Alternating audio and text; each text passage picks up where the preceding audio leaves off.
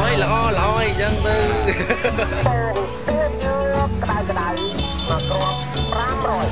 Het is ochtend in het avondland. Een podcast van Chris Janssens.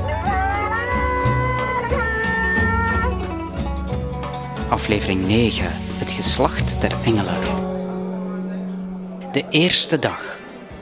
Werkelijk, mijn eerste dag in Cambodja heb ik ontdekt hoe de vork hier aan de steel zit als het gaat over homoseksualiteit.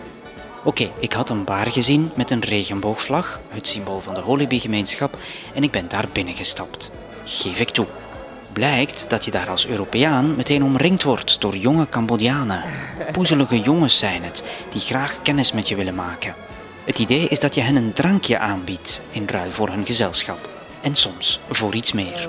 Wist ik niet, maar ik ben er wel in meegegaan. Geef ik ook toe. Als je nu de wenkbrauwen fronst bij zoveel vrijpostigheid, ja, dat kan allemaal in een land als Cambodja. Petit Bai heet homoseksualiteit hier, het derde geslacht. De enige grens waar je als homo op botst is die van de familietraditie. Rond je twintigste word je verondersteld te trouwen, man met vrouw uiteraard, en een gezin te stichten. Dankzij de kinderen is je oude dag verzekerd. Die traditionele rolpatronen zijn vaak nog erg belangrijk. Sommige jongens hebben gebroken met hun familie en zoeken het geluk in de stad. Of ze proberen dat huwelijk uit te stellen met smoezen als ik wil eerst nog studeren, ik wil eerst een goede baan vinden of ik heb de juiste vrouw nog niet gevonden. Intussen ontmoeten ze elkaar in deze bar. Of ik niet blijf voor de show, vragen ze. Dat blijkt een travestiete show te zijn, een genre dat in Azië erg populair is. De artiesten voor vanavond zijn al gearriveerd en ik kan een kijkje nemen in de make-up. Dat is een lage, muffe kamer op een soort tussenverdieping boven de bar. Voor de spiegels zijn de ladyboys in de weer met fond de teint en mascara. Ze helpen elkaar met de glitter rond de ogen. Daarna trekken ze hun kostuums aan en veranderen ze laag na laag in hun personage. Eerst een speciaal soort onderbroek waar ze hun geslacht in wegstoppen, dan een corset voor de nepborsten, een jurk, grote oorbellen en valse wimpers. Het ziet er allemaal heel glamoureus en over de top uit, maar als je wat dichterbij komt, zie je ladders in de netkousen en gaten in de hakschoenen. In de kleine ruimte worden nog snel wat danspassen geoefend. De ventilator slaagt er niet in om de indringende zweetgeur weg te blazen. Ik ontmoet er Preap Terit, of eigenlijk Henry met zijn internationale naam. Of eigenlijk Rebecca, want zodra de pruik opgaat, komt het alter ego tevoorschijn. Mijn pa vermoordt mij als hij weet dat ik dit doe, vertelt hij.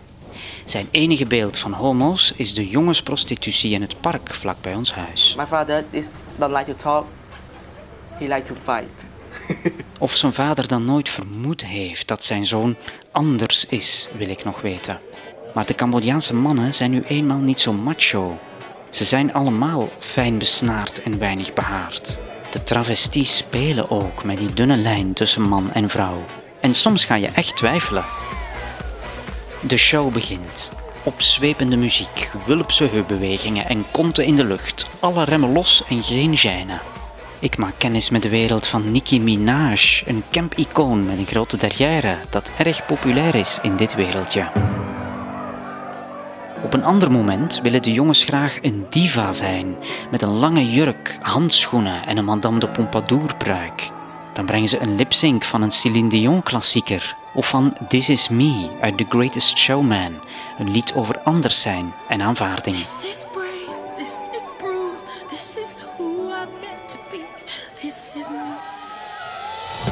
Het publiek in het bomvolle café gaat uit zijn dak. Voor een gaybar zijn er opvallend veel vrouwen. Die willen ook gewoon eens uitgaan, dansen en misschien een glaasje te veel drinken, zonder dat iemand hen lastig valt. En ze proberen van de travesties te leren hoe je elegant moet dansen en van het podium springen op hele hoge hakken.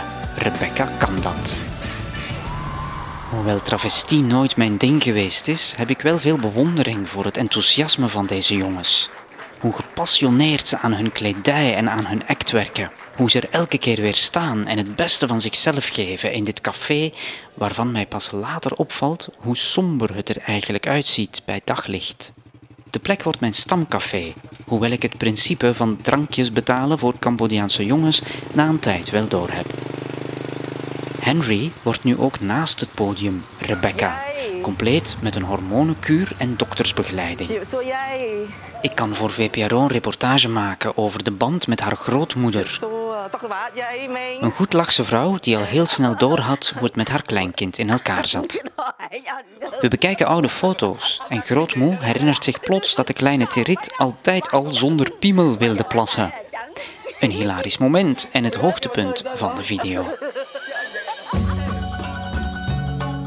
Rebecca is op weg om een soort gay-icoon te worden. Vorig jaar speelde ze een belangrijke rol in een videoclip die gaat over kunnen zijn wie je bent. Als een strijdvaardige Marianne steekt ze de regenboogvlag hoog in de lucht. Wat een verschil met de timide jongen die ik vijf jaar geleden heb leren kennen. Als ik dit zie, weet ik dat het wel goed komt met de Holibi-rechten in Cambodja. Al zou de strijd nog enkele jaren kunnen duren. Vind je deze podcast leuk? Abonneer je dan via Spotify en klik op de bel om elke woensdag een bericht te krijgen als er een nieuwe aflevering online komt.